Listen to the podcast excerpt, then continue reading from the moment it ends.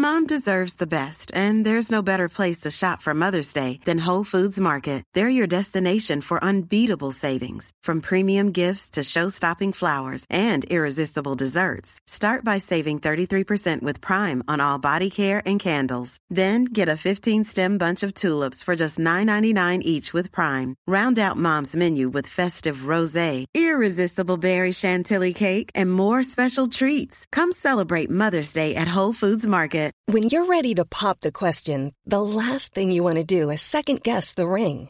At Bluenile.com, you can design a one of a kind ring with the ease and convenience of shopping online. Choose your diamond and setting. When you find the one, you'll get it delivered right to your door. Go to Bluenile.com and use promo code LISTEN to get $50 off your purchase of $500 or more. That's code LISTEN at Bluenile.com for $50 off your purchase.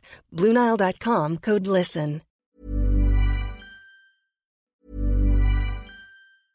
Mom deserves the best, and there's no better place to shop for Mother's Day than Whole Foods Market. They're your destination for unbeatable savings, from premium gifts to show-stopping flowers and irresistible desserts. Start by saving 33% with Prime on all body care and candles. Then get a 15-stem bunch of tulips for just $9.99 each with Prime. Round out Mom's menu with festive rosé, irresistible berry chantilly cake, and more special treats. Come celebrate Mother's Day at Whole Foods Market. When you're ready to pop the question, the last thing you want to do is second guess the ring. At Bluenile.com, you can design a one of a kind ring with the ease and convenience of shopping online. Choose your diamond and setting. When you find the one, you'll get it delivered right to your door. Go to Bluenile.com and use promo code LISTEN to get $50 off your purchase of $500 or more. That's code LISTEN at Bluenile.com for $50 off your purchase.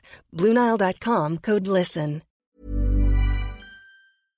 Min erfaring fra Kvinneguiden tror jeg begynte med at det, det var vel sånn 2011 eller noe sånt, hvor det var en tråd om at de var funnet død.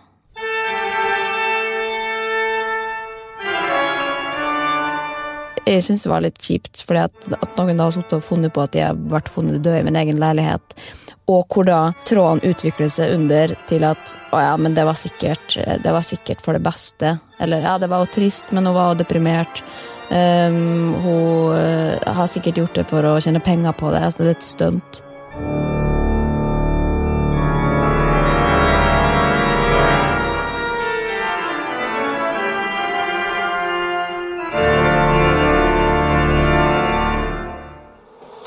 Produsert av Rubicon.